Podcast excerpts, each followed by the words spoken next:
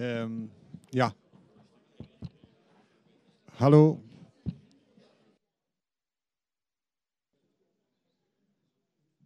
Ja. Ah.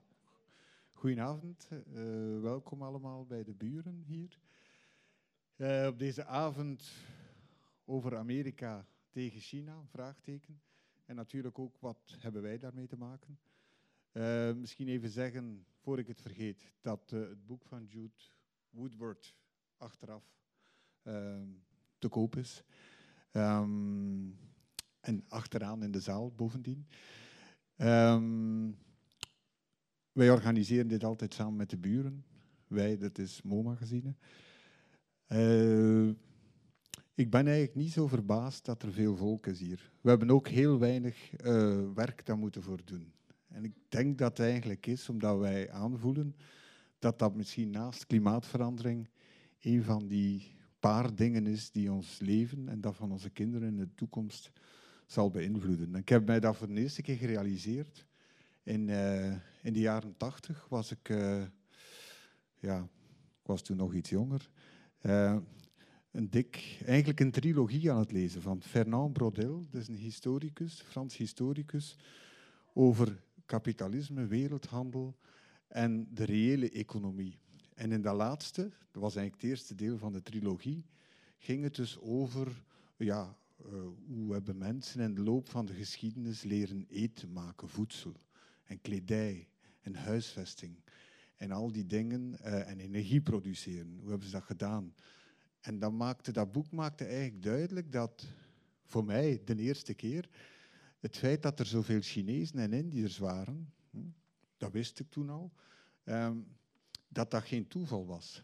Dat dat een reflectie was van een vermogen om dingen te maken lang daarvoor, namelijk voedsel, technologie en kennis, om zoveel voedsel te maken voor zoveel mensen. Hè. Twee, drie oogsten per jaar in de Yangtze-vallei, dat stond allemaal in dat boek. Hè.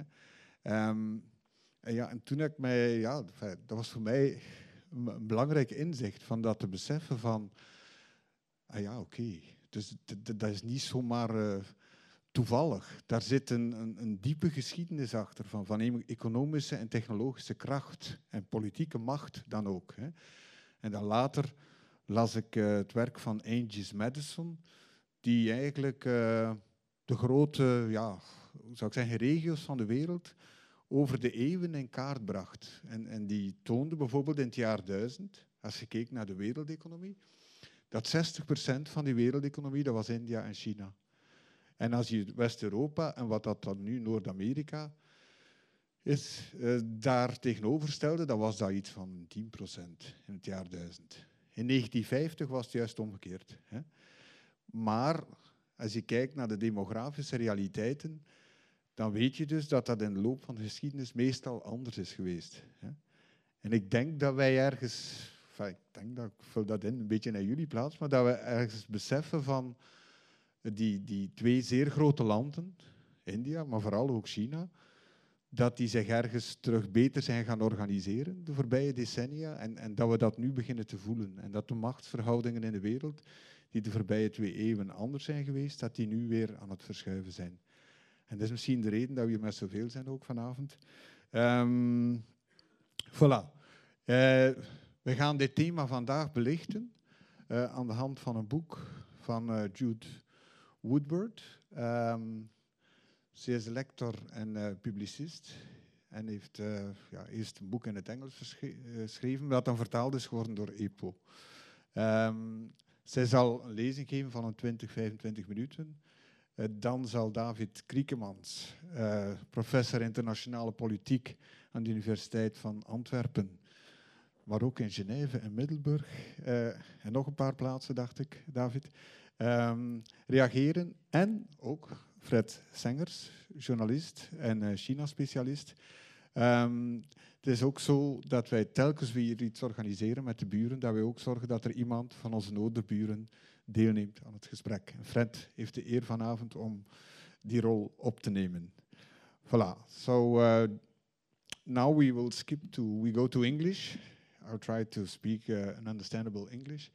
Um, so the whole evening, the rest of the evening, in fact, will be in English because Jude doesn't speak Dutch, of course. And so um, she will give her lecture in uh, English, and then the whole conversation goes on in English.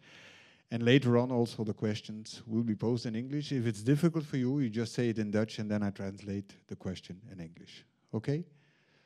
Good. Jude, you have the word.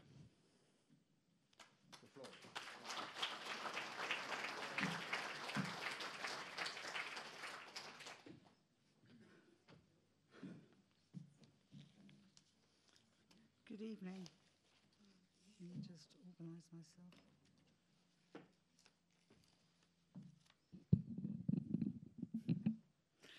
Good evening. Thank you very much for giving me the time to talk to you.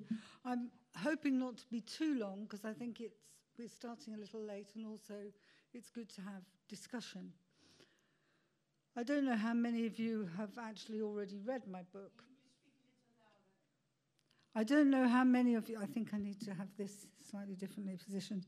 I don't know how many of you have read my book, but I finished writing the book in the middle of 19, uh, I keep saying that, 2017. Um,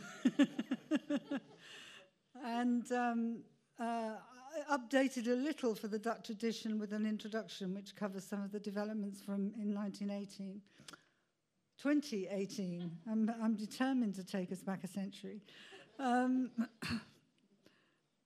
so I'm, but I'm not going to therefore deal with so much with what the book deals with. It, which deals with the whole situation from 2010 and the decision by Obama, the Obama administration to what they call pivot to Asia to change the priorities of uh, US foreign policy to deal with China. I want to deal with what have happened in the last 18 months, essentially. But I do believe that the events of the last 18 months have only reinforced the argument of the book, which is that a new polarization has opened up in geopolitics between the US and China, that this takes the form of a confrontation by the US with China on all fronts economic, military, propaganda, general vilification, accusation of all kinds of spying, interference, attempts to isolate it, all aimed at holding back China's growth and development to a level where it doesn't grow to the point where it might be seen as a challenge to the position of the US. That this confrontation is very dangerous for the whole world, not just for the US and China but it is not going to go away. There are tactical shifts as to what the central focus of this campaign is, as we've seen between the Obama period and Trump. But this is essentially for the Americans a bipartisan policy. And it's not, if, even if you get a Democratic administration into the White House, there's not going to be a dramatic shift. There may be different tactics, substantially different tactics, but the the overall geopolitical situation of the confrontation between the US and China is not going to change. So, to turn to the events of the last 18 months,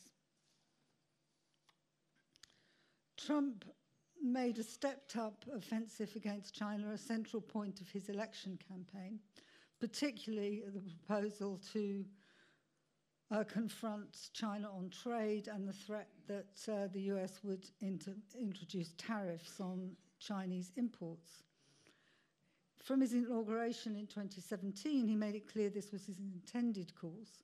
But the truth is, for the bulk of 2017, he didn't implement it. There were a number of issues that interfered with that. One was the whole revolving door situation in the White House. His administration didn't settle down every uh, chief of staff, press secretaries lasted a few weeks. Secondly, he was, there was the whole situation blew up in North Korea, and Trump, stroke the US, needed the help of China to put pressure on North Korea. And so essentially, Trump offered a deal to China, which is that there would be a calming of relations between the US and China, that nothing would be done to rattle China's cage if China was prepared to put pressure on North Korea, which it duly did by implementing a new round of tariffs. And of course, that culminated in a, a love fest of um, Trump's state visit to China in autumn of 2017. But this uh, calming of the atmosphere did not last much beyond that state visit. Um, I want to begin by the launch in January 2018 of the new US National Defense Strategy, which sets out the priorities for the US Defense Department, i.e., the Pentagon, and for the Army and uh, American military. This document was entitled Sharpening the American Military's Competitive Edge, and it placed strategic competition with key rivals explicitly ahead of the previous priority of the so called war on terror. That is a def- definitive shift in priority for US foreign policy. It says interstate strategic competition, not terrorism, is now the primary concern in US national security.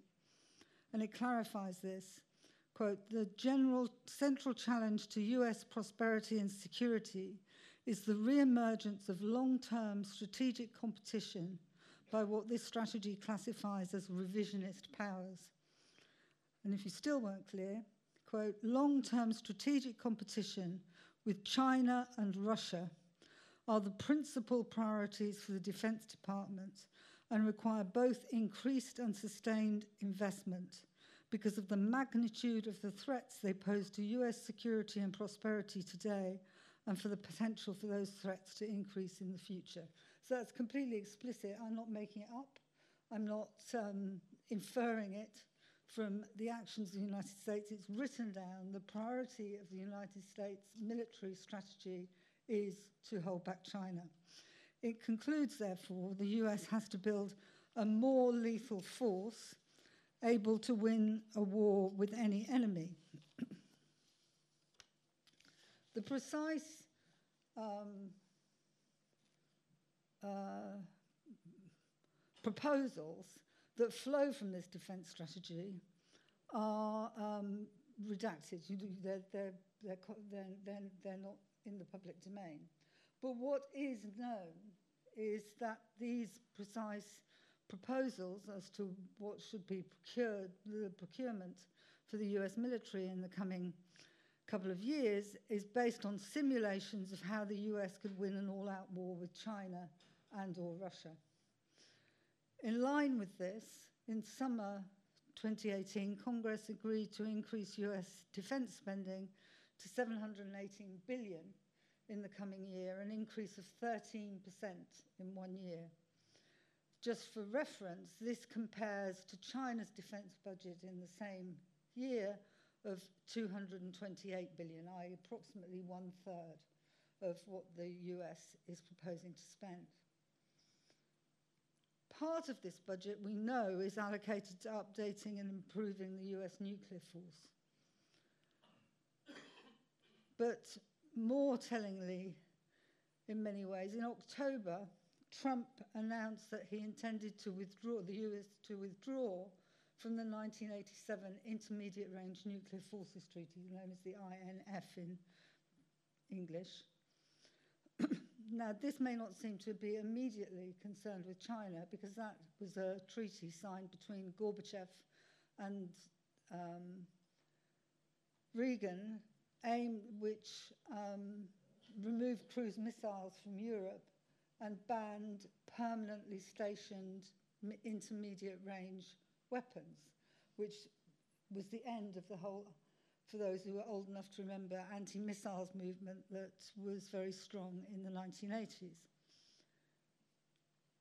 But the treaty banned both countries from, from stationing an intermediate range nuclear weapons permanently anywhere, not just in Europe, but also in East Asia or anywhere else.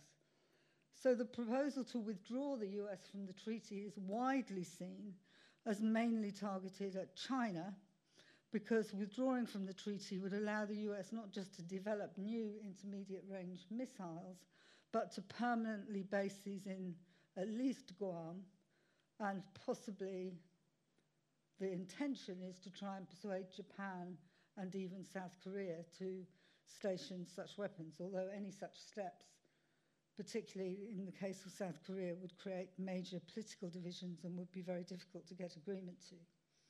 But having permanently stationed weapons would, uh, intermediate range missiles in the uh, Pacific would, would immensely strengthen the US's military position vis a vis China because currently it can only have such missiles in the area on ships or um, on in non-permanent bases, and so it generally has to would it would have to get permission of other countries to um, to get them into place. So being able to station them permanently would make a, a difference to its uh, capacity to attack China. But also, obviously, a goal is to potentially force China into an econ economically damaging arms race, which was part of the function of the stationing of cruise missiles in Europe in relation to the Soviet Union. Alongside this, the US has been behaving more and more aggressively in the South China Sea and also in the Straits of Taiwan. The so called freedom of navigation sailings through the South China Sea, some of them within 12 nautical miles of uh, Chinese installations on the Spratly Islands and so forth, were begun under Obama but happened very erratic, irregularly, two or three times a year. Since uh, late 2017, the frequency and size of the flotillas of US warships that have sailed within 12 nautical miles of Chinese claimed island has increased, and they're now much more frequent than under Obama. In mid 2018, France and the UK announced they intended to join the US operations, and the UK has since done so. And Australia is already a participant. I believe Belgium has been asked if it will participate as well. the excuse for this militarization, as I said, of the South China Sea is to defending freedom of navigation, but this really doesn't hold water because this has never been threatened by China. On the contrary, China urgently needs the maintenance of freedom of navigation through international waters to conduct its vast international trade, which is mainly done by ship.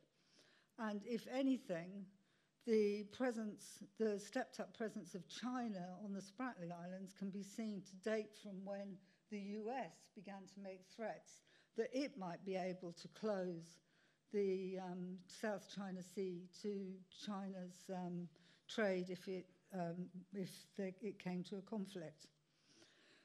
This, a further provocation was when in July US warships sailed through the Straits of Taiwan, um, which again is essentially sailing very close to um, Chinese shores.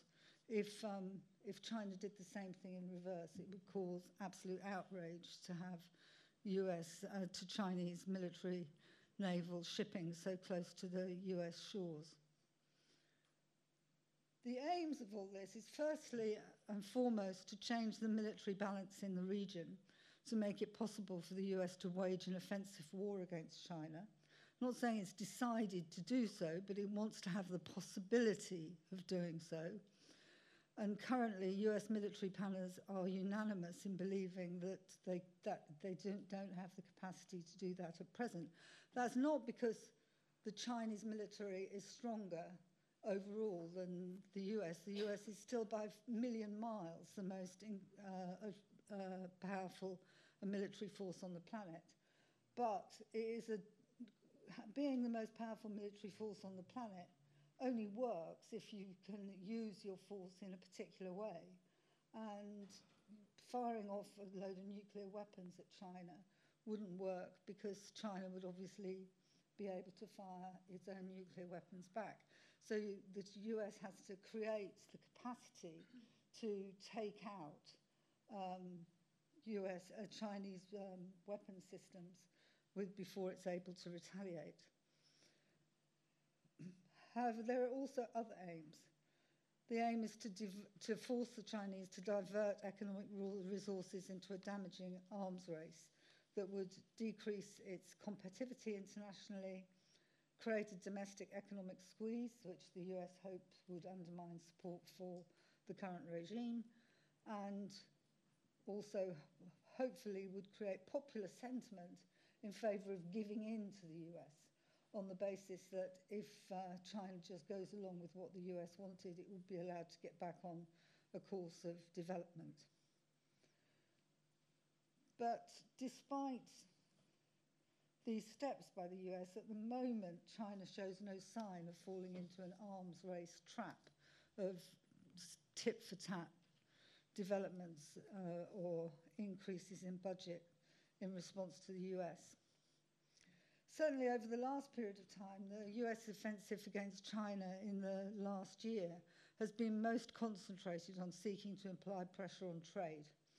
And this has correctly commanded most international attention the threatened escalation of tariffs up to 25% on over 250 billion uh, worth of Chinese imp imports into the US. It's not currently clear what is going to happen on this uh, tariff war.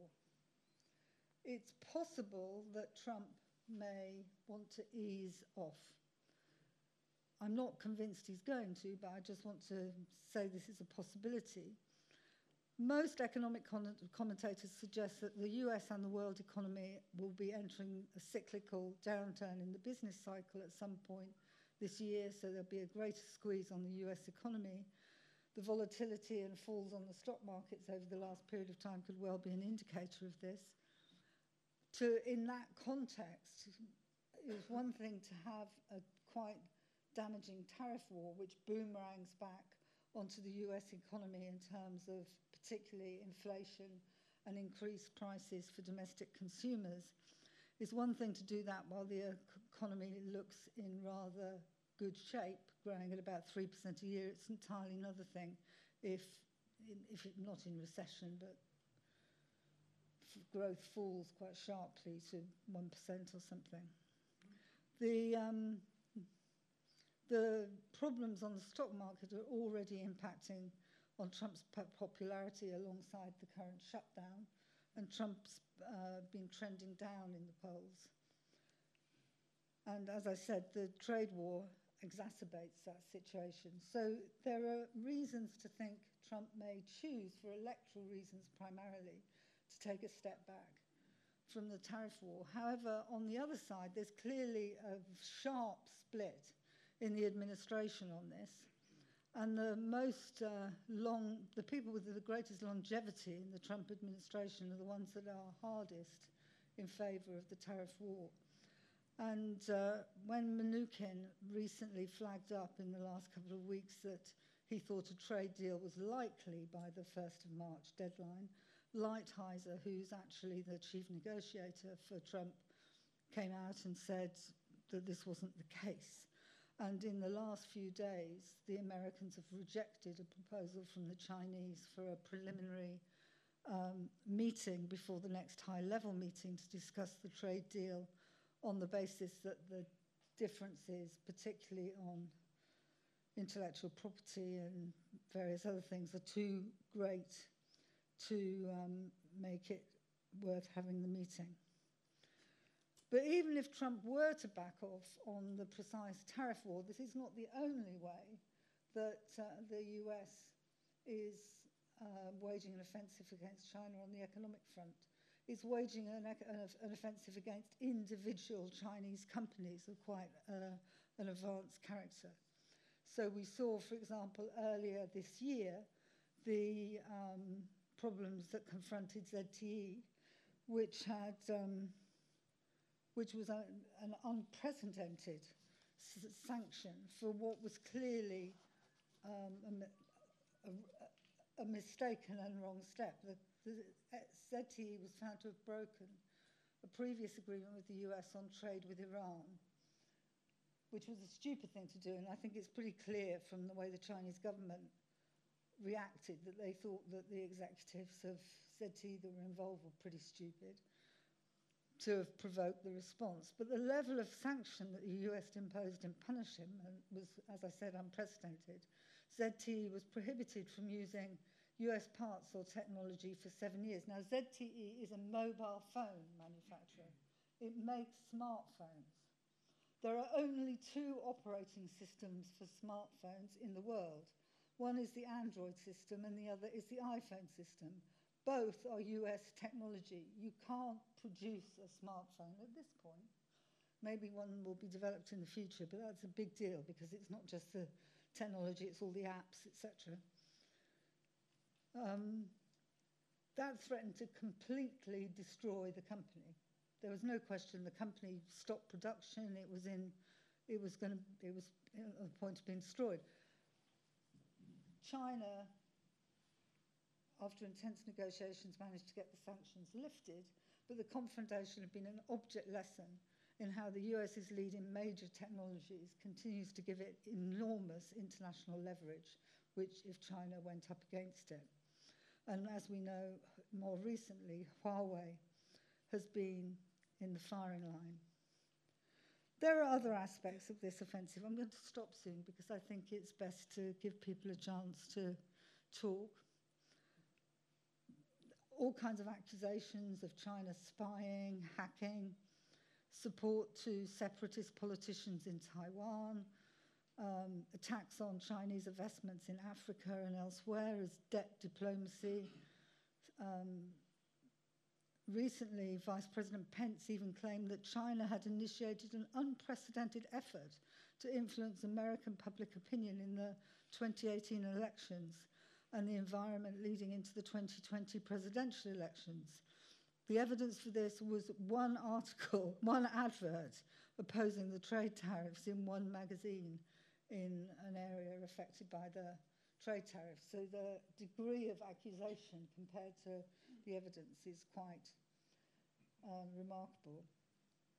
So Trump and the American administration is essentially engaged on what they describe themselves as a 360 degree or all front attack on China with the aim of pushing China to adopt essentially neoliberal economic policies, um, totally deregulate its financial system, open up the economy to aggressive foreign capital, and to stop developing its economy through the means of state-led investment programs and through state-led, state-owned companies.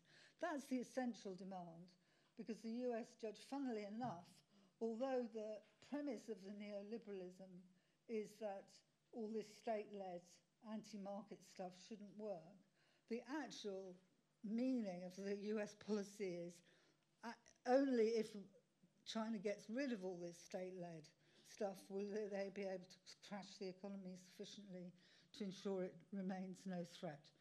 So, and most of these steps that Trump have taken have been bipartisan, had bipartisan support. Not exclusively, and the Democrats in some cases have opposed other steps which Trump hasn't carried through. And the tactics that uh, Obama pursued were different in that they tried to engage other countries multilaterally in the offensive against China, whereas US under Trump is much more going it alone. But this is a huge geopolitical confrontation, and the point I really want to make is this is not going to go away. This is going to be a central element of international politics for the whole of the next decade at least, if not longer. So I'll stop there and people can ask questions after the other speakers have had their say. Thank you very much.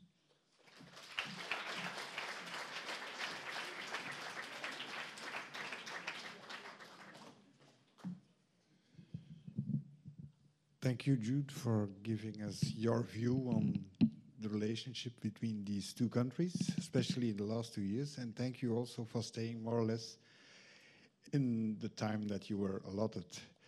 Uh, Fred Sengers, I would like you to give now your view on the book and on what uh, Jude came to tell us.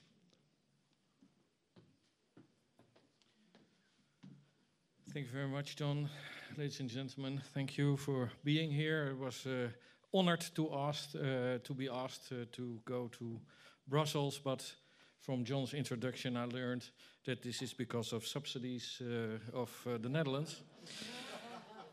um, I would like to start with compliments for Jude Woodward uh, for her book, which I read with much interest. It's an excellent book, well do documented. And she makes a convincing case, I think, that the trade war we are seeing right now before our eyes is in fact uh, a Cold War uh, opening up.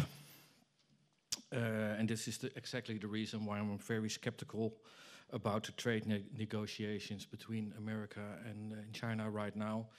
I, I, don't think there will be an agreement soon. What I liked about the book is uh, it's uh, refreshing to read a book on geopolitics which uh, has not only an exclusive Western view. The value of this book, I think, is that Jude uh, helps us, introduces us to, to, a way the Chinese are looking at this pers perspective. And you don't have to agree with this, but it helps us to understand how they think in Beijing, and perhaps then we uh, can. Uh, it's easier for us to to deal with this situation. So this is the, this is the fun part, Jude. Uh, however, uh, there is uh, also, in my perspective, a, a, weakness to the book. I can live with the, the, the strong anti-US rhetoric you use, because often you are absolutely right about this. Um, a, a, lot of the criticism from the United States towards China is uh, is sometimes a bit uh, hypocritic. Um, but what annoys me is um, the, the, way you portray China as a, a, a victim of Western politics. And I, I don't think that's uh, entirely the truth. Uh, China, uh, from the, the, last few decades, was obviously uh, much involved with itself. Uh, and as it developed interest across the world, it, uh, it felt the urge to engage with the rest of the world. Um, and, and we see a lot of this going on a more, uh, not a more open China, but a self-confident China on the, on the world sta stage. Um, and I think it's uh, uh, uh China behaves more and more as a, a, big, powerful country nowadays, and we have to we see this and I think we have to accept it and, and, and find a way to work with it. But I have no reason to believe that China will behave differently from other powerful nations, for example, as the US. Um, and honestly, uh, often we, we in the West don't give a good example to, to this rising nation how to behave. Uh, look, for example, at um, uh, the, the Chinese reaction to the Huawei case the arrest in Canada of Huawei executive uh, when they arrest Chinese uh, Canadian citizens uh, in in China. That's a very pathetic way to to react, actually. So um, uh, I'm not. Um, really optimistic about the way China will develop as, as a powerful nation as well, because they will make the same judgments and mistakes uh, we in the West did for 100 years. But the interesting thing, of course, for, for all of us, and I hope we have a discussion about this later on, uh, the book is about America and China, but what about the EU? What about us? What is our position? Wh what will be our friends in the world? Do we have to choose sides? Uh, this kind of things are very important to think about. And I'm really excited to talk with you uh, about your views and, of course, also David Criekemans.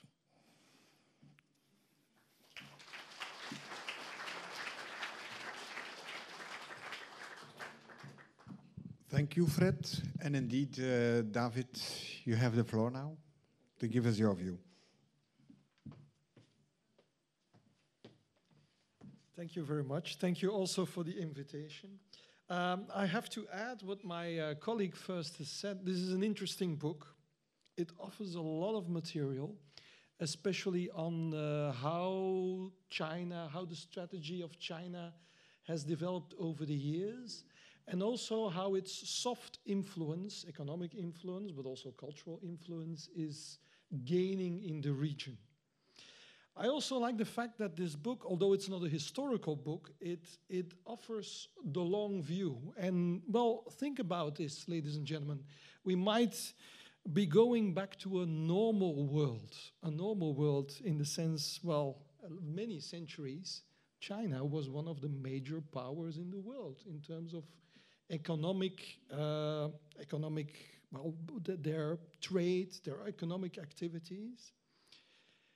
And indeed, as this book says, is that to a certain extent, how the West has behaved, if I can use that word, vis-a-vis China, has been quite disruptive. Think about, for instance, the Opium Wars in the 1820s, where we literally used our naval power to force an entry into that market where we disrupted uh, China. Think about the Boxer Rebellion in 1900 this all led to a kind of humiliation, if you will. An inherent fear, also, and I think, and this is also in the book, a fear for an instability in China. And this is the nightmare for the communist regime. We must avoid instability. And that's what, that what they want to avoid by economic growth, uh, by making sure that this economic growth is somehow distributed in the country. Um, but also, the country is changing its strategy, its economic business model, if you will. It's trying to catch up with the rest of us, trying to leapfrog into new sectors. And indeed, we have this fight between the US and China. Humiliation on the one hand, fear perhaps on our side, fear that our economic position in the world, our, if I may say so, the West, does the West exist, by the way? Um, Europe, or well, we can't even say the European Union anymore. Uh, it's the European countries huh? and the United States. Um, I even would go a little bit further that perhaps Trump is even, so further than the, the book goes, that Trump is even trying to break that new business model which China, which China is developing. Eh? China is identifying, and the book says this as well, key sectors, uh, artificial intelligence, uh, 5G, the 3D printing, the social media, we will come to that later on, the internet of everything almost, not of things, but of everything. So key sectors which will produce economic growth in the future, if then they can leapfrog. The US is lagging behind. Uh, Trump has tried to avoid mergers between different uh, between different uh, companies, Chinese companies and then Western companies. is now, in, he's now adding also the element of technology transfer, which has made the Chinese so big, adding that, that in the negotiations, which is quite interesting. Now, I support uh, this part of the book, which is saying that actually Obama and Trump, they're more a bit, a bit the same, in, in the sense that Obama did his pivot to Asia. He uh, entered the region geostrategically, trying to reorganize the region, um, ASEAN countries and others against China. I think this is true to a certain extent. Negotiating the TPP, the Trans Pacific Partnership, which the book is actually saying, and I would support this as well, that it was a kind of de facto encroachment upon the economic sovereignty of the signatories, if you will. But, well, TPP, it's out. Uh, at least the US is out, and it collapsed more or less. A unique opportunity for China. But Trump is indeed, as the author says, um, using the geostrategic road, if you will. And we must not forget, although the book mentions it, mentions it uh, the so-called defensive weapons, uh, THAAD, Aegis, these are defensive uh, THAAD is uh, land-based, Aegis is on ship, so this is anti-air missile technology, which is actually destabilizing geostrategically the whole region because the Chinese or even the Russian um, nuclear uh, capacity to, well, avoid war, if you will. Uh, they have a nuclear capacity, a dissuasion strategy, is being hauled out. It's, it's, it's being weakened. Yeah. Now, you heard the author also, and here I become also a bit critical, adding on what my colleague has said. The author is quite critical about the US, but what about China? And one might ask the question is China's rise purely benign and only peaceful? It seems to be suggested by the author. Now, I'm not a realist, I'm not an idealist. You have, you have all these schools of thought, you know, in IR. I do geopolitics, I just look at the factors. And indeed, my colleague has also uh, referred to, well, what's going on? Well, Eurasia is becoming, and Eurasia was a big topic in, for the geopolitical authors uh, at the beginning of the 20th century. The Chinese try to circumvent, if I make, may use 19th uh, century uh, words, is, is, trying to avoid the Anglo Saxon sea powers. Hmm? and trying to build all kinds of alliances with the Eurasian land powers, if you will. And this is like uh, the 21st interpretation of that is One Belt, One Road, investing in these transport economic networks, Eurasia, but also, well, the joke is always it does not end in Rotterdam, it ends in Antwerp. Yeah.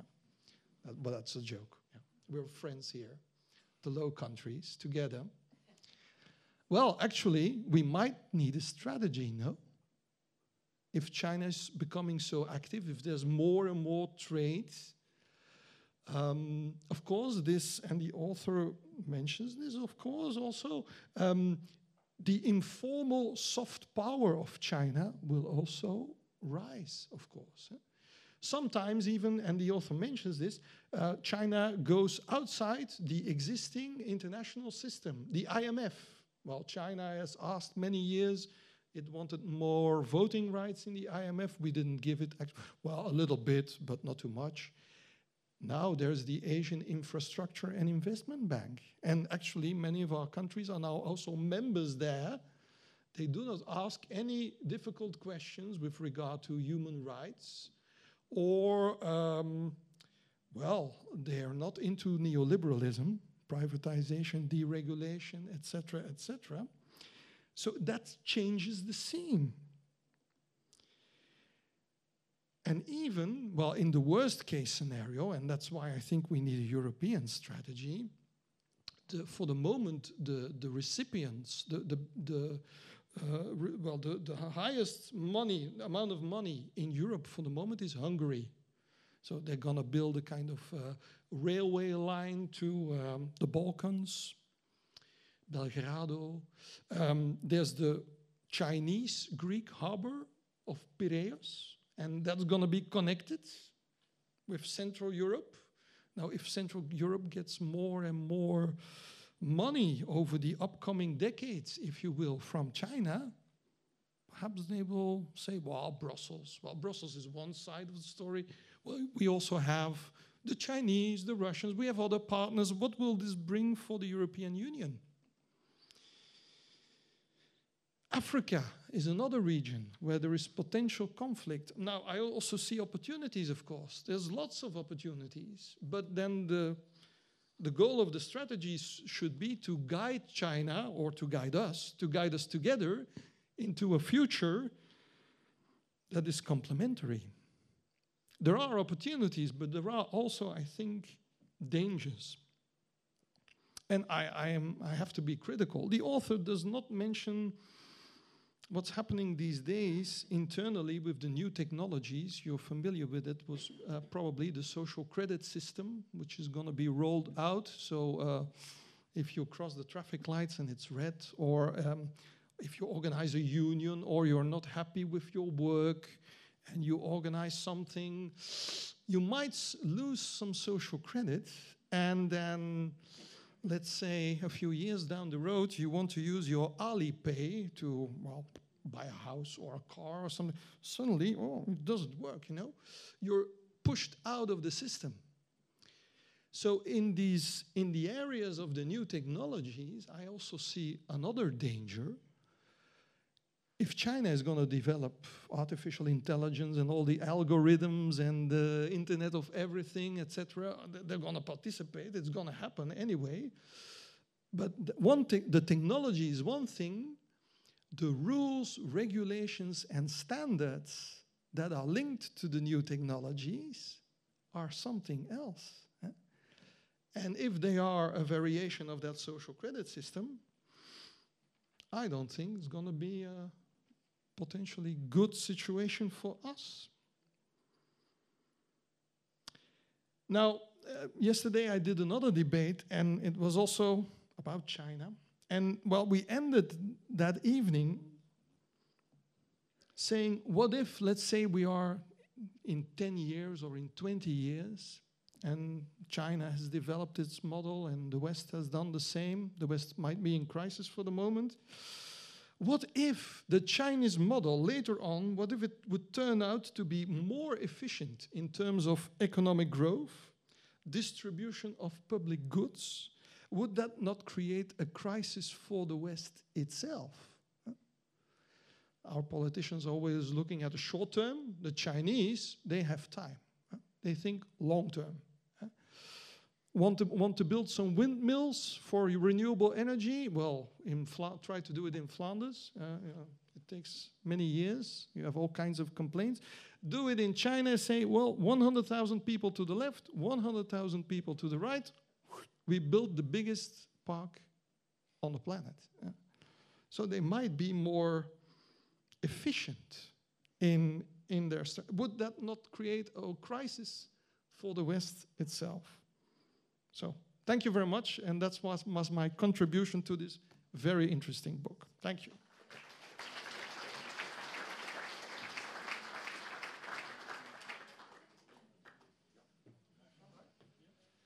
I'd like to invite everybody to come and sit here and also the technicians to give us some microphones.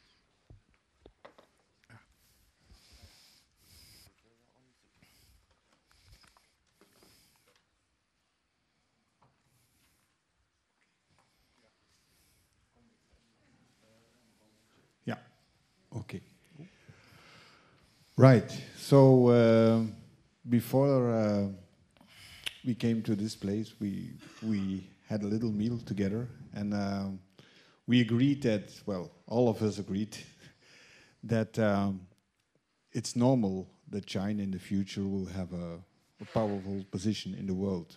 But the big question is, how do you get there without accidents? Huh? Um, how do you give China its place in the world. Um, the critique that both men here to my left gave on your book is that you're too friendly towards China. That the Americans are, are, are the baddies, the bad guys, and China is, is, is the victim. Um, and yeah, and that is a lack of balance. Although it's an interesting book, very good uh, Chinese perspective, but it's a bit too positive on China. How do you react to that? Well, I would say two things. Firstly, I was consciously trying to redress a balance, which I see as very biased in the other direction. Um, in the mainstream media in Europe and North America, and I read both extensively. Um, but secondly, I do. I, I absolutely don't think that everything that China does is right. I don't think that there's no human rights problem inside China. There's all, all kinds of real issues inside China. I, however, in this book, wanted to deal with China's foreign policy and its foreign policy relations with the United States in particular and in Asia in particular. So, for example, I don't deal with Africa. Mm. Um, I'm afraid the European Union doesn't get very much for looking because what the book does is look at the contest for influence between China and the US in the countries of China's periphery, which broadly speaking go Russia, Korea, Japan, Taiwan as a province, Philippines, Indonesia, Singapore, Vietnam, the Mekong Peninsula, Myanmar, mm. India, Pakistan, Central Asia. And that's what it deals with. And it doesn't pretend to be dealing with anything else. My view is that on the whole, again, nothing's ever 100%, and it's not that I think that what everything China does is right by any means. But if you're looking overall, who has started this particular round of confrontation and um, whipping up tensions? It is the United States and not China. China was beginning to play, China's foreign policy for the whole of the last three, two decades of the 20th century was summed up by Deng Xiaoping as hide brilliance, bide your time, sort of in, in other words, don't get embroiled in international questions. Concentrate on developing China, um, own economy and the living standards of its people. China, what China says is that, and I think this is true. But has this not changed with uh, yeah, Xi Jinping? Say, what China, I think from before Xi Jinping, mm-hmm. I think from quite from quite early in the 21st century, and the way China puts it is, it be, because it was able to influence more, because it had become so much stronger, it became almost impossible for it to not engage because it was it was demanded of it by uh, developing countries that China intervened. Other countries lobbied China as to how it was going to vote on the Security Council, etc., whereas previously they'd been left alone. And China has, step by little step, tried to engage more in the international arena. And it's come bang up against a problem, which is the US doesn't want it to. The US wants it to just go along with the US line. And when it hasn't found it wasn't going to do so, launched the pivot to Asia and then Trump's confrontation. Now, that doesn't mean to say I don't think China has not made mistakes. Mm. Certainly made very big mistakes in the past. Um, but you say, by and large, when it comes to its international politics, you say, yeah, it has not been aggressive. Uh, it, yeah. it, it, has been invited to play a bigger role, um, and and it has obliged. Yeah. That, that, yeah, and, yeah. and since the war, since the, the ludicrous invasion of Vietnam in 1979, it's not made any military interventions anywhere. That can't be said of the United States. Um, and that is true. Yeah. on the UN Security Council, it kept out uh, until really after Libya, when it really felt it had been sold down the river as to what but had been agreed. I, and I since then, it has actually vetoed, or it's been known it would veto, so it's not put the, the US hasn't put the motions. I'd like to go to David and, and, and Fred with this. So Jude says um, yeah, for me, China has indeed not been an aggressive force, even since the, um, the, last 10 to 15 years. Uh, um, it has been invited to play a bigger role, and, and uh, yeah. Do you agree with, with this view, or? Well, uh, Jude is absolutely right when she says there hasn't been an, a Chinese war for 40 years, at least not in the common way we look at war. Uh, because the cost of war nowadays are, are, are so high that uh, countries only go to war if they are almost certain to win it. But there are several different wars going on economic wars, cyber wars, and uh, in that field, China is very aggressive, as a matter of fact. Mm. Could you be a little bit more specific? Cyber wars, I can, yeah, that that's. Well I know what you mean with that. Eh? So. Well, look at the way uh, uh, China is reacting uh, when it had difficulties with, for example, neighbor countries. when, when in South Korea, the, the, the THAAD system, I don't know if everybody knows this, but this is a rocket, an American rocket system, and the, the, the official American story was this is because of the threat of North Korea. We want these, uh, these, these anti-missile rockets here to defend Korea and Japan. It also has consequences uh, for Russia and, uh, and China, as mm -hmm. you said. Mm-hmm. That is absolutely true. But look at the way uh, uh China reacted to, uh, to this in, in a, in a, a pity Reacted. way. Reacted. Reacted. Yeah. Says no, Jude. China reacted to a, a US introducing a system which had made absolutely yeah, clear. And this is exactly my Would problem with, with the book, uh, uh, is that you always see China as a, a, a victim. So uh, it's but only use the word reacted. reacted. Yeah, sure. But uh, they don't have to react in this way. There are other means to react. But how did they react, by the way? In ec economic blackmail. Yeah. So uh, uh, they they punished uh, South Korean companies, uh, not officially, but uh, for example, the the Lotte company, which has a lot of trade stores in in in China, they all got unexpected uh, fire inspections, and some of them were closed. Uh, so, so you you have a business there. You don't see a fireman in 20 years, and suddenly there is an international problem, and uh, in every yeah. Lotte store, the fire brigade shows up. That's not a coincidence, of course. Mm -hmm. tourism to uh, North Korea, uh, to South Korea, um, when this problem occurred, uh, tourism went down.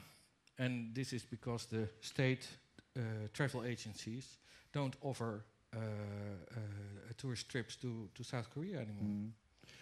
So, yeah, but of course, Jude says, yeah, but this was a reaction. The first aggression came from the US that they put their THAAD system and, and she is right with yeah. that. That yeah. uh, the American. China, you said China could have reacted in other ways. It could have moved its own missile systems up to the Korean border. It could have made military threats. It didn't. It applied economic pressure. We are, I'm not defending everything that China does, but I mm. think that doesn't disprove my case.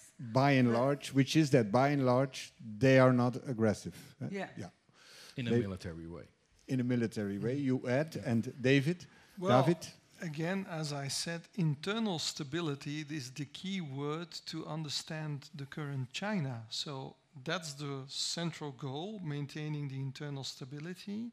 And if you look at what, uh, uh, and actually you mentioned it in the book, what the Chinese have done many years is first solved all, all border issues, which they had with the Russians and with other uh, countries in the region, uh, again for a consolidation, um, trying to make sure that the relations were stable and that economic growth could further develop. And indeed use the softer, uh, use the own, their own diaspora in the region to uh, further strengthen economic relations and to build up gradually. But of course, uh, well, the Chinese uh, military is not a match for the US uh, military uh, for now. They've, uh, they've grown quite substantially. Um, in terms of small surface ships, they're almost matching. But in terms of frigates or the bigger ships, or even the biggest power projections, mm -hmm. being the aircraft carriers, they are, well, they have one ship, one training ship, and, and one that's being built.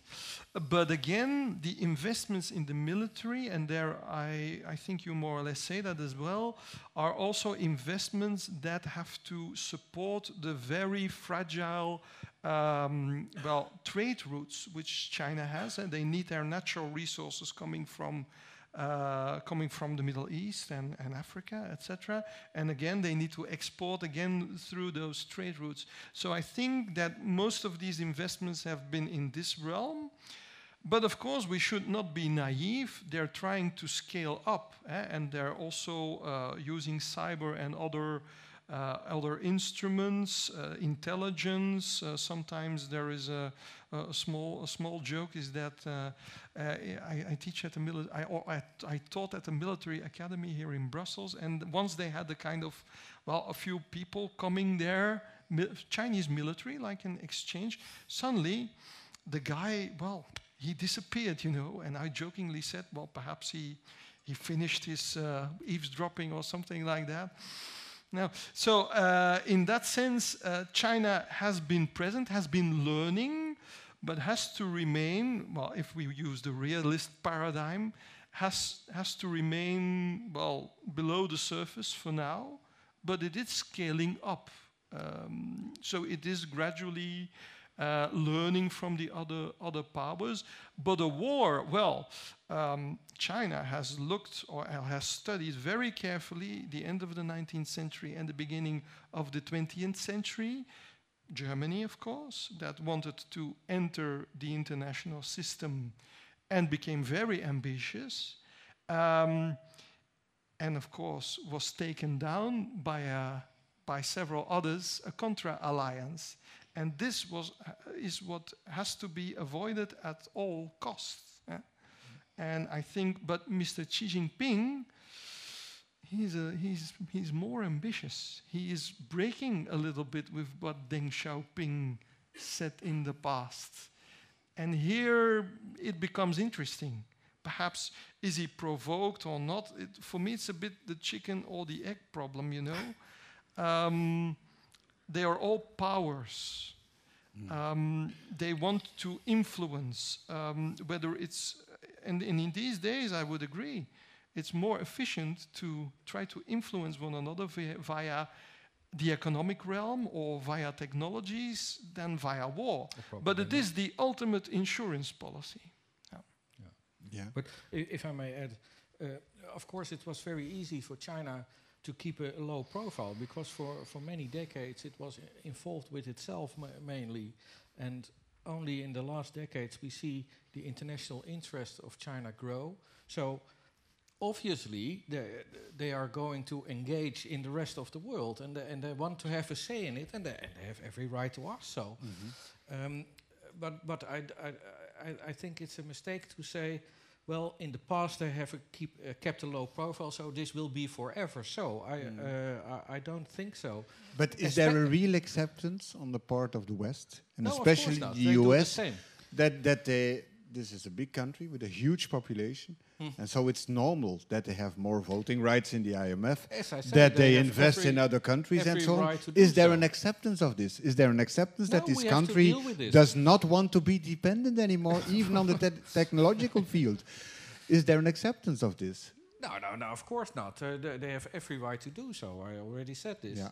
Uh, and we have to deal with this. Uh, if we talk about the rise of China, it's the same as if talking about the weather. We, we can't ban bad weather. Mm -hmm. So we have to deal with this. We have to, uh, we have to find out a, a, a strategy. Uh, what we were talking about, a, a EU strategy, um, not mm -hmm. by taking sides for either China or the United States, by, but finding a way to, uh, to engage with both of them because they both will be very powerful in the future because China will become more powerful. That, that, that, doesn't mean that the US will become zero existent uh, mm -hmm. immediately. Of course mm -hmm. not. So we have to deal with both the, of these world powers. But do you think that Europe has accepted that China is now a different country than it was 30 years ago? I talked to a guy, Pierre Verlinden, who worked uh, all his life in the solar industry also for six years. He worked in a Chinese company, and said, he said, in fact, the Chinese companies have given the cheap solar panel to the world. They have created this this industry in, in the, the renovated this whole industry Mm-hmm. and he said europeans can do this too now because it's a very automated industry but they have to learn from the chinese and my question is can we already be in this attitude that in some fields we have to learn from the chinese yeah it's a more humble attitude and and yeah it's, it's, it's, a question yeah I, I totally agree with you, John. The, the, there's a lot of things we can learn about China. Uh, and, and a first step would be to try to understand China. Uh, and, and I think that's a, a, a lack of understanding and knowledge of, of China in, in, in Europe. Well, let's, I can only talk about Holland, but yeah in, in, in Holland there's only a small group, mainly in business, which is really well informed about China. But the rest of the population, do you know who Frans Bauer is? Yeah, yeah, you know who Frans Bauer is. Well, he is educating the Dutch about China now. Why he has a song about China? Or no, what? yeah, uh, yes, he made a song, but it's not really uh, educating. He has a television And series. and uh, what about the Chinese politicians, uh, the Dutch politicians? Do they have a realistic picture No. of, of the country? No, I think uh, when I look at uh, at the at the Hague, uh, they are very much interested right now in uh, safety. Mm-hmm. So this discussion about uh, engaging China is dominated by uh, uh, the, the people from the security agencies and and and the and the Rob de Wijks from the from of this world, and this is uh, uh, obviously uh, a very sad uh, uh, sad story because Mhm.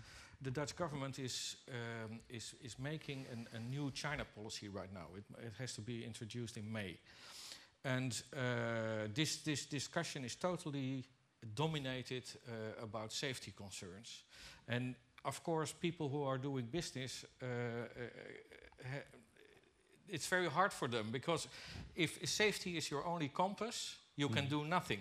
Mhm. Uh, but uh, the, the people who are in business can't can't do the same. They have to look for opportunities, Mm. have an open eye for threats, of course, but they have to look for opportunities as well. So looking for this balance in the attitude. Yeah. But yeah. for that you have to know, of course, the country. Yeah. Yeah. Yeah, and, and you have to be realistic because, oh, there we go. Um, this is the real value of Jude's book.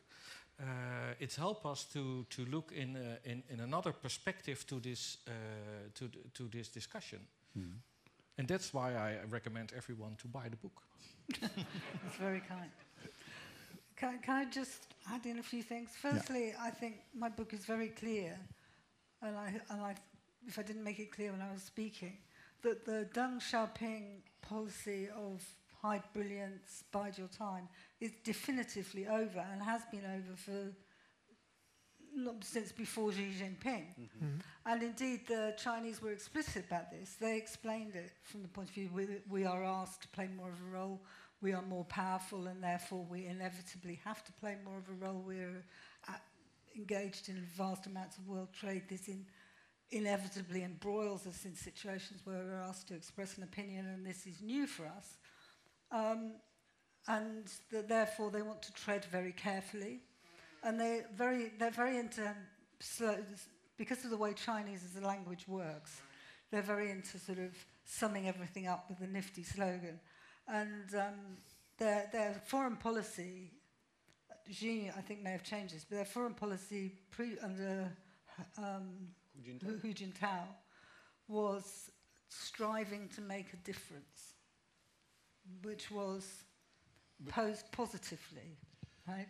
But uh, to you, you say they are carefully, but um, of lately I was at a press conference. You know that China has a policy which is called the 16 plus 1 policy. Yes, of course. The 16 or some countries of the European Union and a, another bunch of countries in uh, Central, Central Asia, Asia. and so on.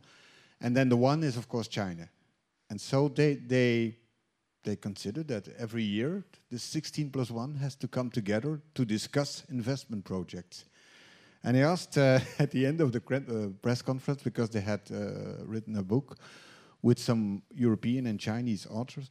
How would China react if Europe organizes every year a meeting with Xinjiang, the province of Gansu, so the rather peripheral areas of, of China?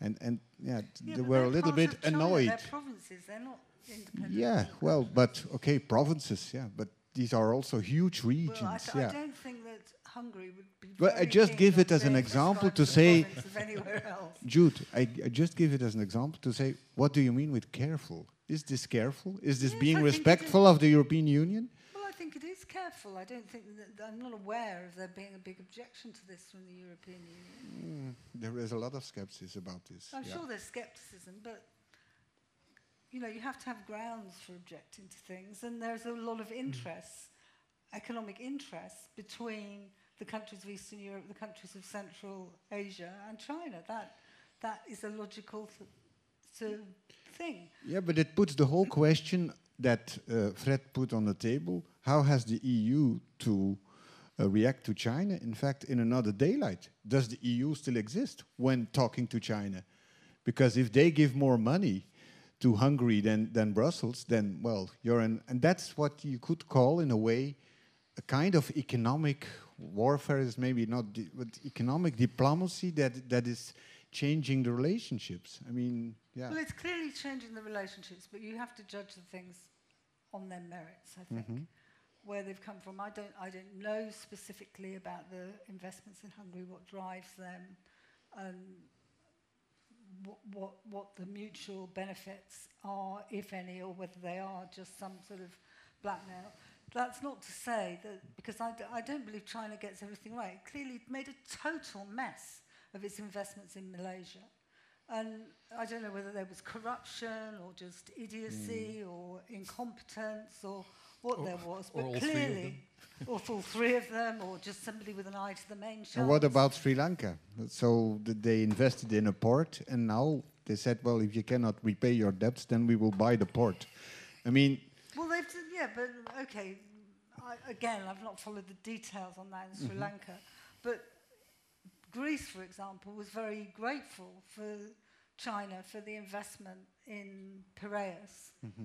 it's a um, success. which has been a big success. So, Mm-hmm. you know, you have to judge these things on their, their merits. Yeah. China's got a lot of money.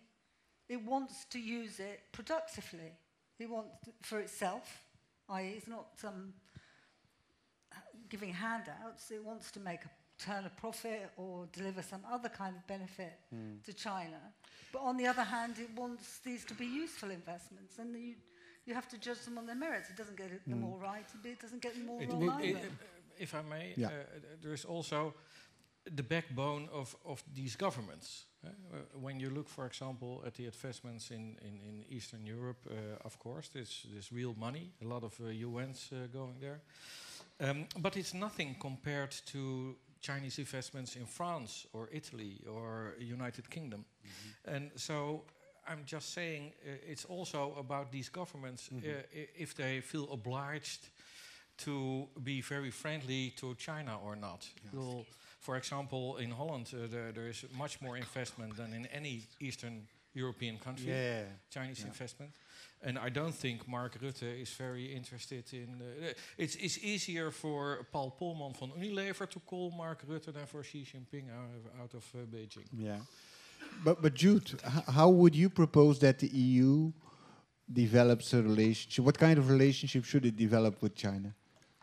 Well, I think the elements of that are in place. Maybe it's a strange question to ask you as a Brit uh, Yes, about the. EU, but okay, I will still do it. Yeah. Well, I think there's a there's the EU and there's the individual countries in the EU. Germany has got very developed relations, bilateral relations with China.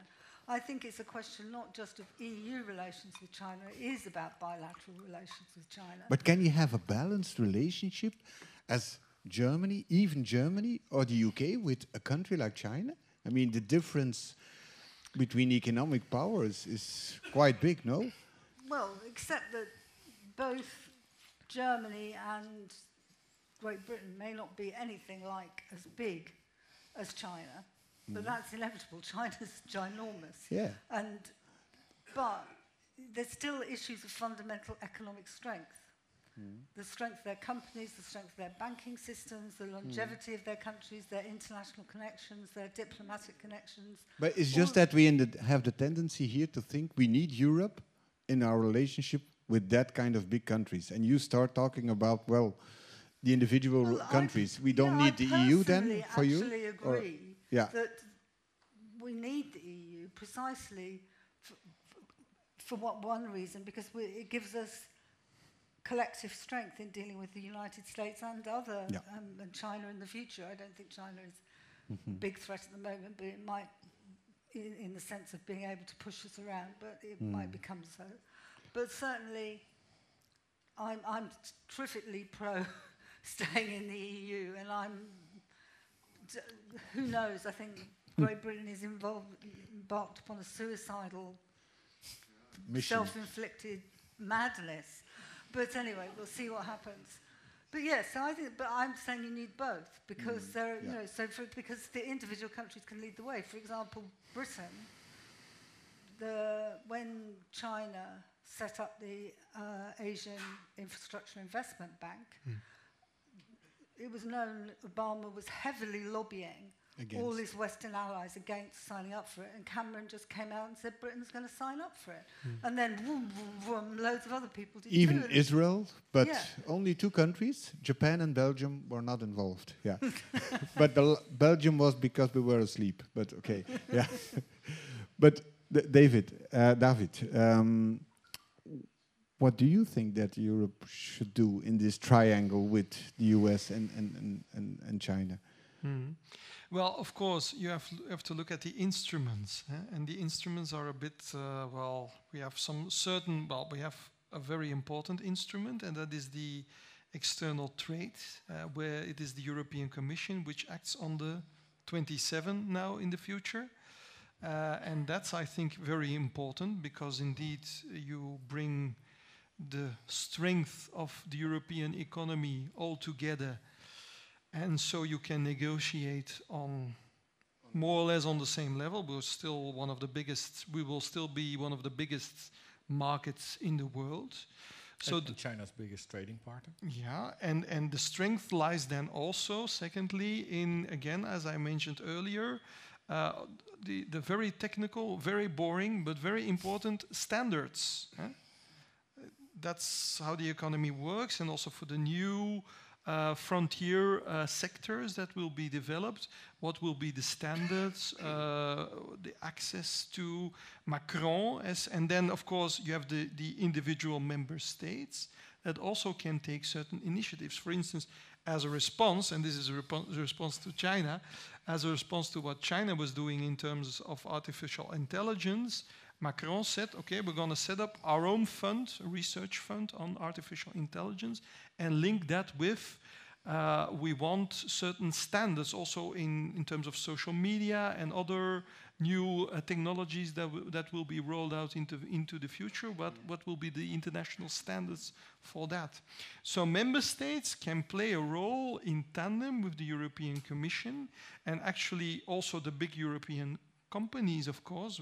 You mentioned uh, Germany earlier. Well, uh, the German car makers has, have sold massive amounts of cars, of course, so also to China. So in that sense, there is a reciprocity. And I think that the Chinese are, are willing um, to negotiate in terms of, of trying to find a win-win. huh? They're open to, to, but to are- that. are we doing this well in a way of accommodating this new upcoming country as Europeans? well, and I- better than the US because well w- what comes from Jude's book is that the US is not accepting China uh, yeah you I see you nodding you agree with that yeah, but it is are not we doing better But well, for a geopolit- from a geopolitical point of view, this is a wake-up call for the European Union. huh? It's a new, it's a new game, if you will. Um, there's a big actor coming in uh, that will become a major economic power. It is already a major economic power, but also in the new sectors, it will be quite important. It will have all kinds of trade relationships. It means that for us, I call it a little bit a balance politics, which we have to develop into the future. Of course, Washington will still one, be one of our most important partners in the future. That will remain. The transatlantic trade is there.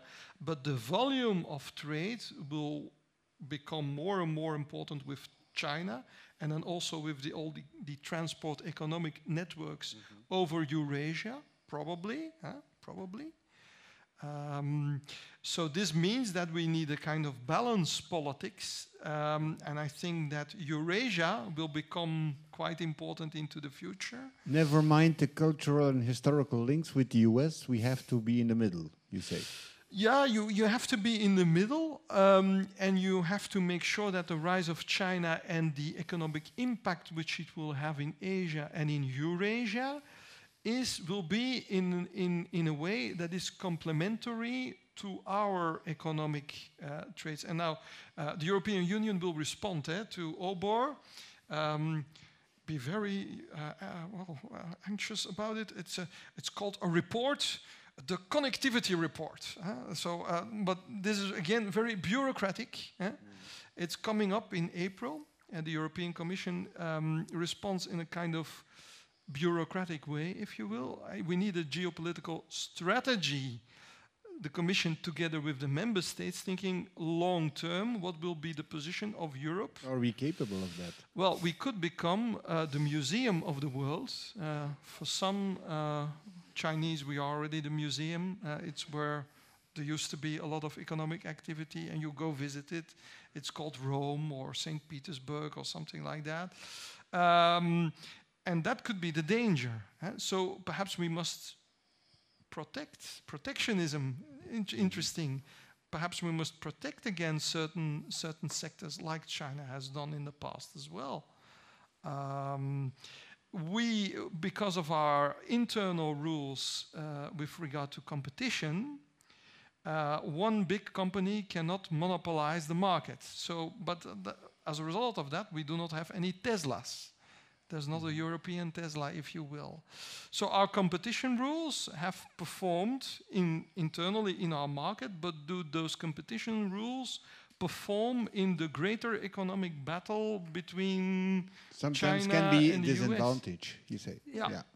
But there are some advantages. For example, there are only two real airline manufacturers in the world. There's Boeing and there's Airbus, and China is very aware of that because one of its little words in response to the tariff war that Trump has launched is, hmm, perhaps we'll look at Airbus.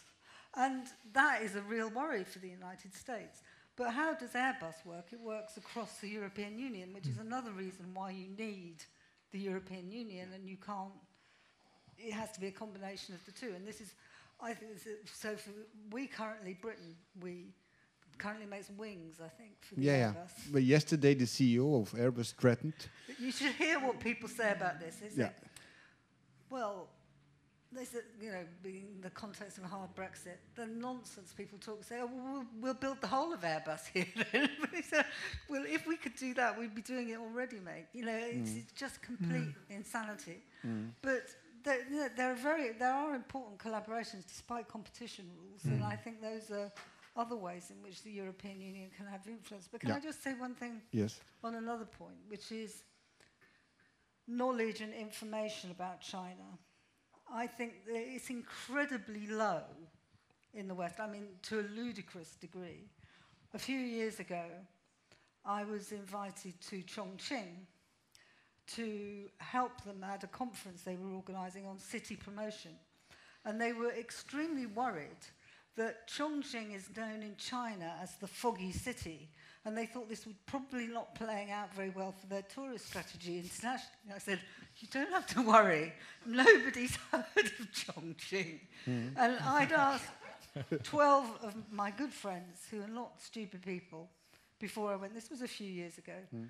Um, and none of them had heard of Chongqing. 30 million people there. Yes, the largest yeah. city in mm. China. Yeah. Um, or conurbation, really.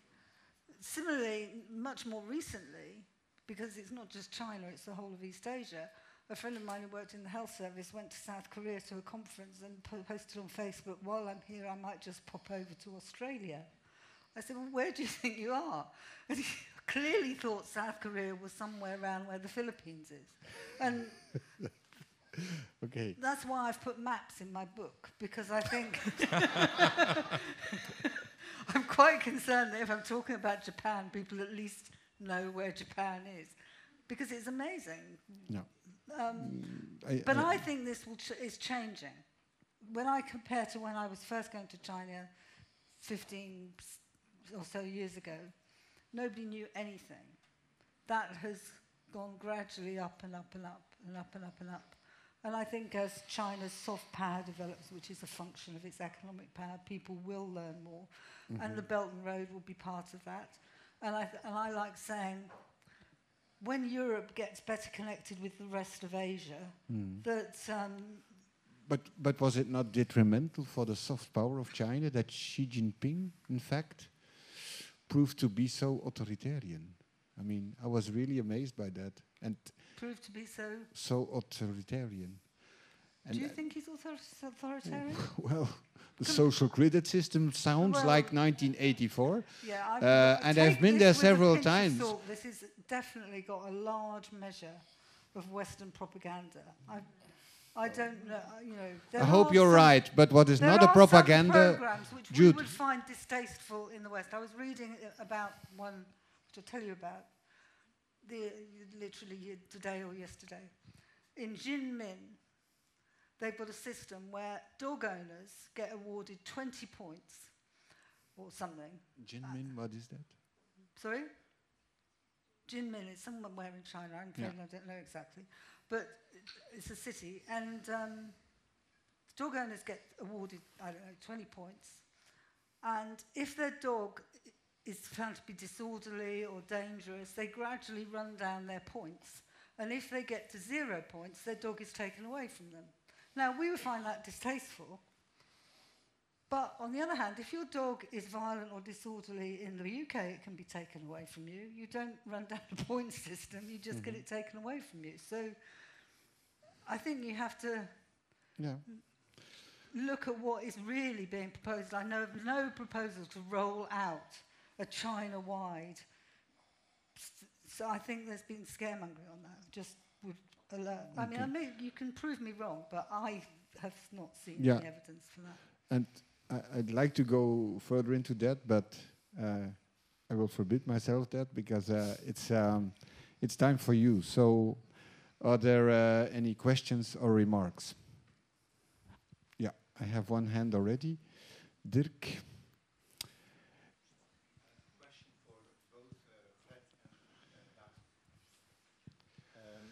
We will take some questions. Huh? Yeah, That, that, yeah. uh, oh, I have a question for both uh, Fred and uh. David. I noticed that they did not mention um, uh, Xi Jinping's ideas about a shared future for humanity. And it's not because it's not in, uh, in Jude's book, because she, she writes about that. Did they not notice it? Or what, what is the reason why they don't mention this? Do they don't take it uh, seriously? Or well, I invite them to, to, to give their opinion So on this could you- concept of the shared future for humanity, uh, um, which is, of course, uh, connected to um, okay, propositions for exchange, win-win, and so on. Dirk. Yes, lady. First questions and then uh, answers, or Uh, we uh, take uh, some questions. now? Yes, yeah. Oh, okay. Because I can imagine there will be more than one uh, sure, remark or question. Yeah, yeah. You're the boss. And and I, I write them down so I don't forget them. okay. I have a question to Mrs. Woodward, of course, but I hope also for comments of, by both uh, gentlemen. Um, soon it is, if I remember well, 50 years ago that uh, Taiwan uh, lost its seats in the Security Council. And I, but from what I read about China, but I can't read Chinese, so it's all second-hand information what I get. I have the idea that they will celebrate that by occupying uh, Taiwan because I, I see that there's more aircraft, there's more um, um, navy, and uh, my question, in fact, is, what do, do you, is in your opinion, what should the Western countries do? And what should the Asian countries, I mean those uh, the treat, that's military treaty organization in Southwestern Asia, do in case of an occupation of Taiwan? Thank you. Other, yes? You spoke a lot about making the balance between forces, economical forces, military forces. But what can we do, common people? How can we make our people's power or democracy attractive enough to make people in China, the, the 1 billion, 300 million people of China, feel it attractive and have the counterbalance against those big powers who are above us. You said that they studied the history of the First World War. In that case, it was also we, the common people, who had to bear the consequences of the wars that were fought and decided by other people, the powers you discussed about. How can we make our contribution in that way? Yeah. Are there other questions? No. Okay, then Ah, one there in the back. back. One in the back. Put your hand up, sir. Yes.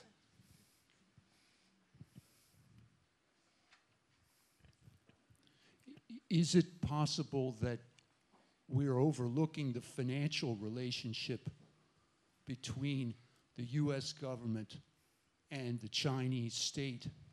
That is, the US government for many years has overspent uh, spent much more than they've collected in tax, so much so that they need to borrow, that is, sell bonds in order to pay for the spending. And the pri- is it not a fact that the primary buyers of those bonds, perhaps as many as 30, 40%, can continue to be the Chinese state, if not the party? So, uh, how do you respond to that? Yeah. Okay. So let's start with the question of Dirk. Um, has not anybody has did you did you not read in the book that um, uh, she speaks and has uh, given speeches uh, about the shared future of humanity and and why did she, you she or she? Both. Oh yeah. both. Yeah. Yeah. Um, and why did you not mention this I, uh, I didn't mention a lot of things in the book, so um, uh, th this is probably just one of them. But um, I, uh, I, I, really like the rhetorics of the Chinese government. They, they're beautiful. Uh, just like the rhetorics of the US government are always beautiful and thoughtful. Um, but uh, it's it's it's not just about this rhetorics. It, as I said in uh, when I reacted first-handed, um, uh, I'm I'm a bit skeptical about uh, that China will be a different world power than the U.S. has been. Uh, I think when uh, big, powerful countries they all they all act in self-interest, and the Chinese are no different to to this. So if they become more powerful, they they will do some things that are not so nice. Is the old dictum that in international politics you have no friends but only interests? Yeah. Well, let's be realistic. Uh, foreign policy of every country is uh, dictated by self-interest. That's uh, that's no different for the Chinese. So uh, they would be quite stupid if they do it the other way. But of course, it can be in your in your interest to give chances to others. I think I give a twist to this question. I, I, I think this is this has to do with what David said about uh, the European Union. If uh, if we are indeed very, we could be very powerful because we are such a strong economic bloc and Chinese biggest trade partner uh, bigger than the US. Um, but as long as we think that as an individual country we can uh, we can grab our own chances and we're better off than as a collective. Look, for example, of the, the Alibaba uh, warehousing. Uh, there was a, a, a, a, battle, a competition between the Netherlands and, and Belgium, which was quite ludicrous actually, because uh, it's now 40 kilometers away from, from the Dutch proposition. We, we should be glad for each other. Uh, we, uh, it's not a loss for Holland, it's a win for Europe.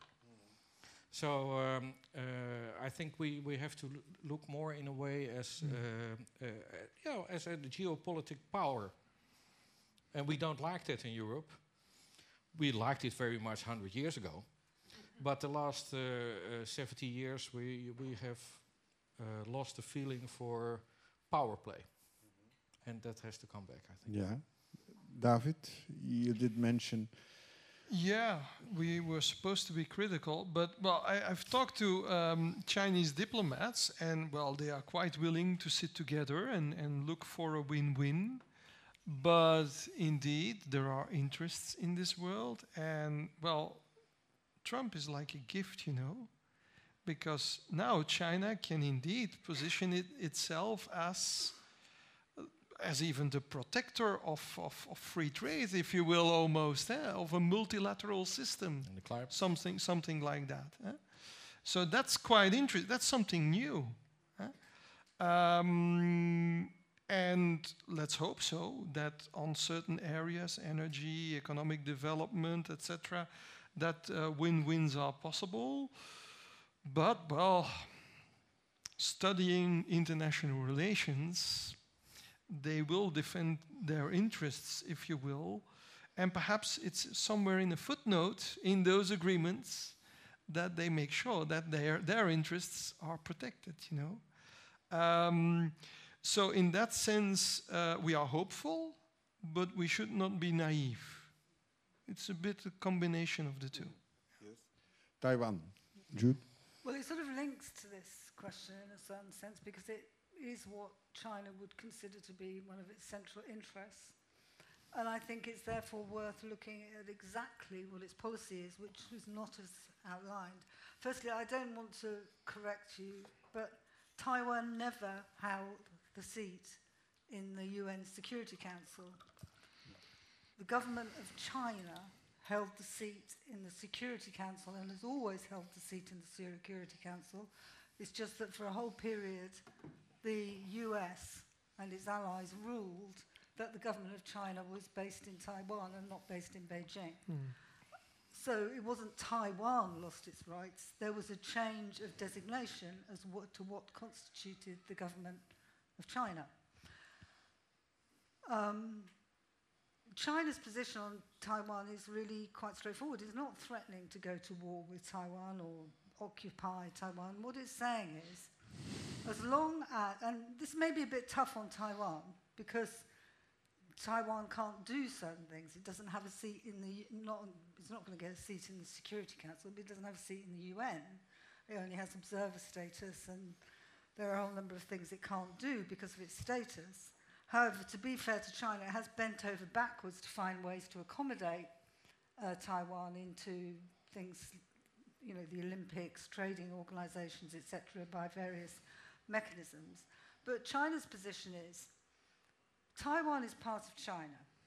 It totally understands that the people of China at the moment, of Taiwan at the moment, are not about to voluntarily reorganize themselves as governmentally part of Greater China. Okay, as, and it was Deng Xiaoping who said this, we can live with that. We won't try and unilaterally change the current situation as long as you don't try and unilaterally change it.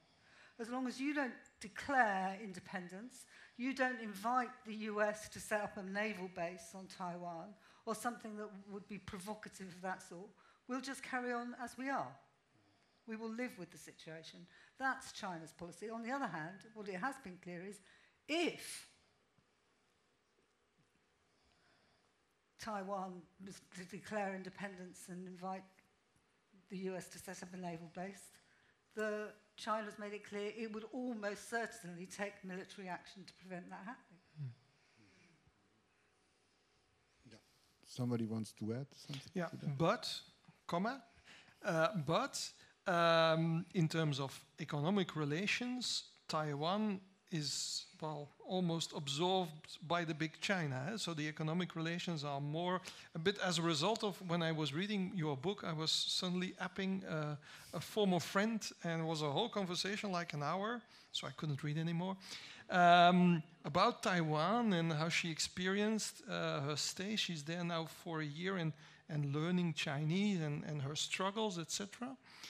Um, and what I got from that is that indeed, um, in terms of economic relations, China is very present. uh.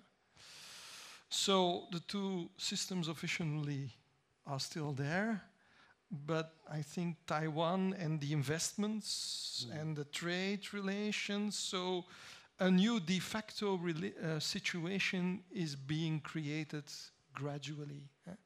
And uh, the Americans might try to use, like you say in your book, uh, might try to use their hard power to to grasp it, but I think it's fleeing already.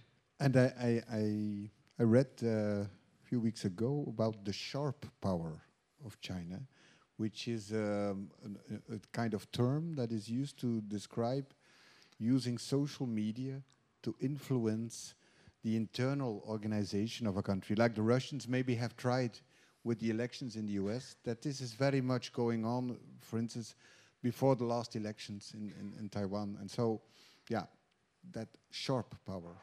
But on the other hand, th- to be fair, the GM, the, the Kuomintang, which is doing rather well in the polls at the moment, hmm. that's largely, I mean, China may have played some role, I'm not saying it has clean hands, but is largely to do with the economic situation. And you've seen this seesaw for the last 25 years with the. Mm. If, if the Kuomintang is in power and the economic sis- mm. situation starts to turn bad, then the separatists start to come up and Tsai mm. came to uh, power. Uh, but I would like to be a shopkeeper in Hong Kong. I mean, Yeah, no, there's certainly China has sharp power, if that's what you want to call it. I just said one further word on Xi Jinping and mm-hmm. Common future for humanity. I don't understand why we. Well, I was told a friend of mine who worked very closely with the Russian government at the time of the uh, changeover, so knew knew someone who who was a very senior Kremlin diplomat, not a. yeah. And he said the worst thing that can happen in foreign relations is people tell lies because it's so tense anyway that if you can't absolutely trust that people are telling the truth, it doesn't work. And that he said all through the Cold War, whatever people thought was going on, the Soviet Union and the USA told each other the exact truth about their intentions. I think that's quite important to note that because I think, on the whole, you can find out what policy foreign. So when the US says in its um, defense strategy document, long-term strategic competition with China and Russia are the principal priorities for the department. I think it means it. I think that is now what US foreign policy priority is. If you read, there are two very long collected works of Xi Jinping called The Governance of China, available in English.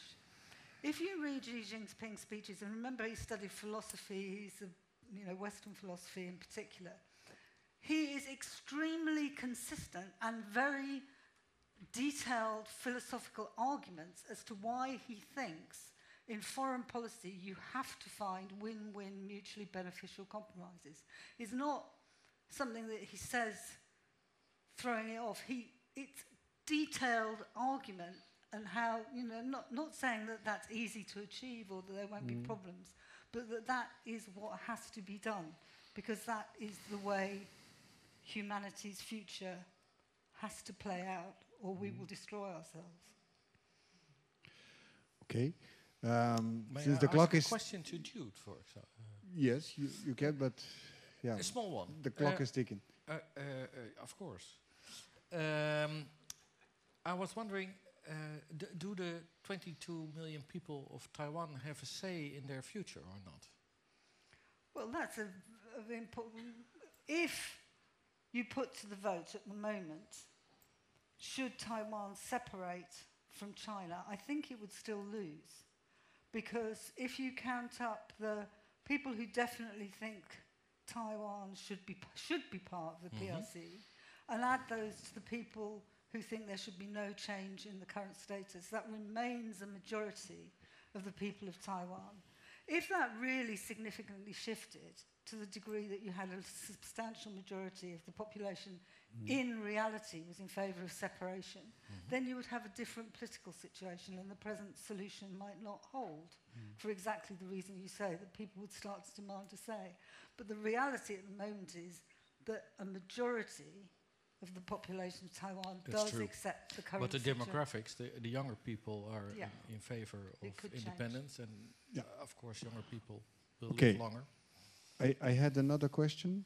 Uh, is it not in our interest to prove to China that our democracy is, is an attractive way of governing a country?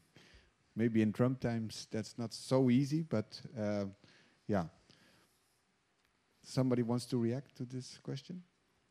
Yeah, I'll try. It's a, it's a really difficult one. No, it's simple. Yeah, okay, then you answer first. Okay, Yeah. Shall I start? yeah, yeah, please. Yeah. okay. Um, the Chinese system is working very well for the Chinese citizens. Hmm. And the European democratic system has some flaws right now, uh, especially uh, as you describe in your book, very, very good, uh, is uh, after the economic crisis. And it, uh, it, it helps for Chinese people to say, well, uh, Europe is not a, a democratic paradise as we thought. So the tendencies are just the other way around as the question implies. Mhm. Mhm. And now the difficult part. Well, the difficult part being that we should not try to infect the Chinese with democracy. It's not going to work. huh? Uh, that was perhaps the strategy that some tried to do it, or to destabilize it, or to affect it with neoliberalism or, or, or, or other medicines. we be- we always have medicines uh, for, for China that we want to do. Um, but if you want to live in a free world, in that sense, if you want to be free and using new technologies in the future, huh, um, perhaps you should, in, in your buying power, because you have a certain buying power. Well, I- I'll give an example. My uh, nephew is an IT man, and I, I needed a new uh, need a new computer, you know. And he was saying, "Well, you you take this Chinese. It's uh, as best as good as the uh, as the, the the Western variation, if you will." But then, me being a geopolitical scholar, you know, I was talking to him and saying, "Yeah, but I'm not sure, you know." Um, perhaps they embed within their technology. Perhaps I'm critical, um, um, but that's well, some well, an, an idea. But you see it in the social media, or you see it in the social credit system. Um, there are certain concerns there, and I think we, the West, or the European countries, or whatever, for these new technologies and, and, and the other bits and things, we should defend standards in which open, well, an open view is still possible. Uh, you might even see that, well, we thought these technologies were going to liberate us. eh? Think about the smartphone in 2011 and the Arab Spring. But now they, they, there is a, a danger that they're going to imprison us. eh? Um, so in, our, in our choices, um, well, we will, we, will, we will take steps in that battle. And the Chinese have a whole different interpretation on how these uh, technologies uh, should and could be used. Can, firstly, we have to be. I have a friend who works in IT. I think I said this over dinner. I have a friend who works in IT. He said to me, I was talking about encrypting files. He said, There is no point encrypting anything because it's known fact that the US security services insist on there being a back door to them through any encryption system. Well, we can sort of assume if that's what the American security services do, probably the Chinese do as well. But let's not have too much double standards. I know that's not simply what you're saying. You're talking hmm. about it being used in a repressive hmm. way.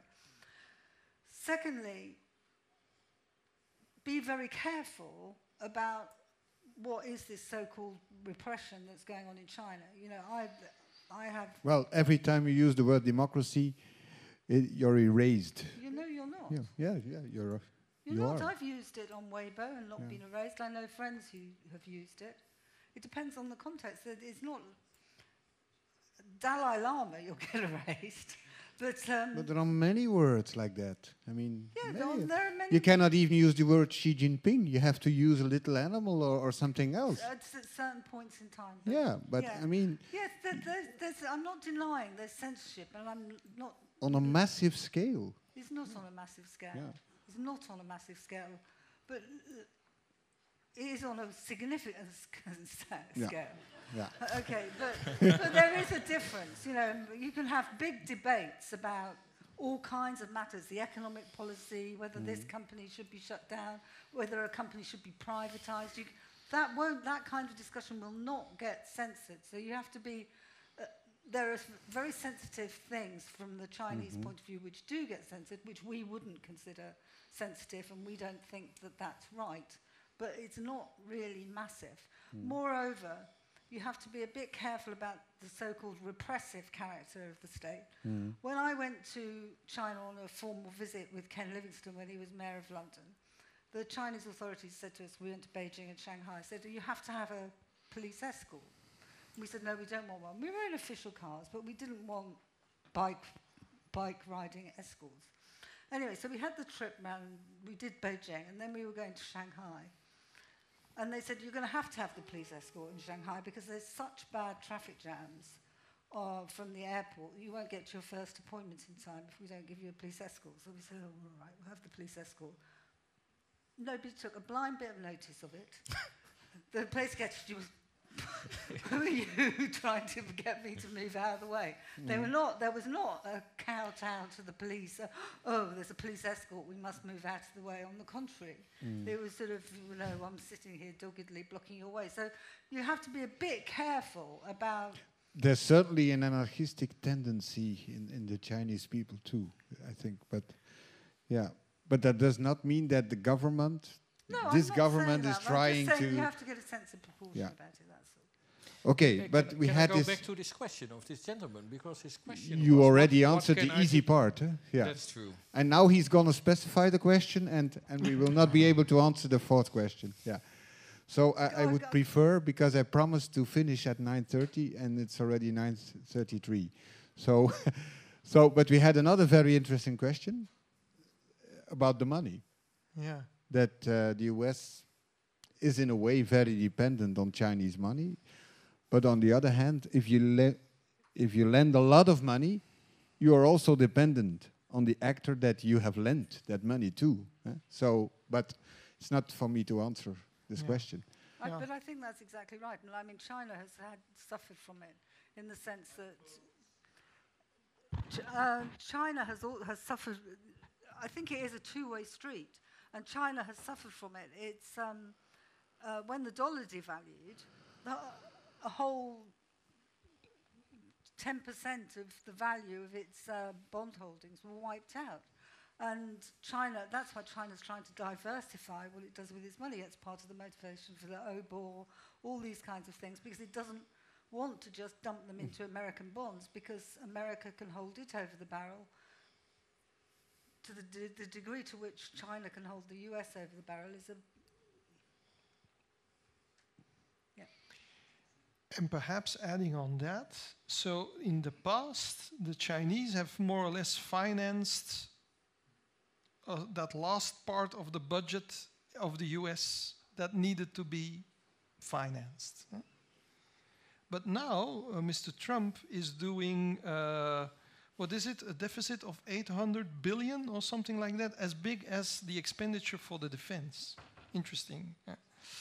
But the Chinese are, are diversifying their portfolio. They're doing more euros. Uh, they're diversifying their. Now they do not want the bonds. They want the hard assets, the harbors, the airports, the railways. Very interesting strategy. who's going to finance the deficits of the US? That's the big, big, big question, isn't it? That's the consequence, I think, and that's why that question is so relevant because it will create shocks. And perhaps Mr. Trump, perhaps, well, he's made a fortune by going bankrupt three times. Perhaps that's the strategy to run the dollar down because he's, he knows somehow, in a kind of shock therapy, that this is not sustainable and he wants to externalize to a certain d- degree.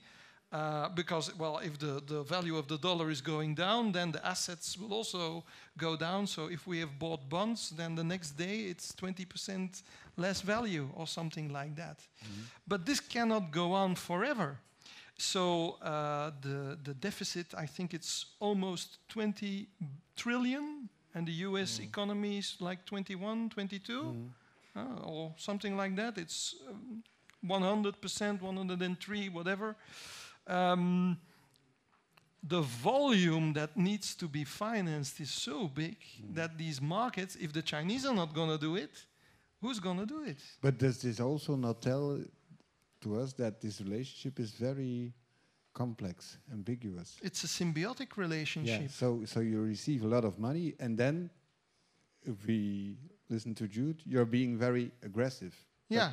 how credible are you in being aggressive if you are so dependent financially? Yeah, you could say that the Americans have overextended, eh? and and that this well, this can go on for quite a while. But hmm. at a certain moment if ti- in time, if the markets realize who's gonna pay this back, nobody, hmm. then you get a sudden shift, of course. And in hmm. that sense, perhaps that's the real anxiety in Washington. If you want to be a world power and you fight very expensive wars in Iraq and Afghanistan, and in the me- in the same time in your own country you can only win elections by lowering taxes, then you have a problem. Yeah. Yeah. Exactly. I totally agree. I think if you if you asked me if you we've been having a discussion about what I think is the fundamental problem confronting the US. This is it, not China. This is it. But that would then be another debate that Okay. we will not have uh, tonight, but maybe on another day. So I I'd like to thank you for being here, for giving us your views, and uh, would be nice if you give them an applause. Yeah.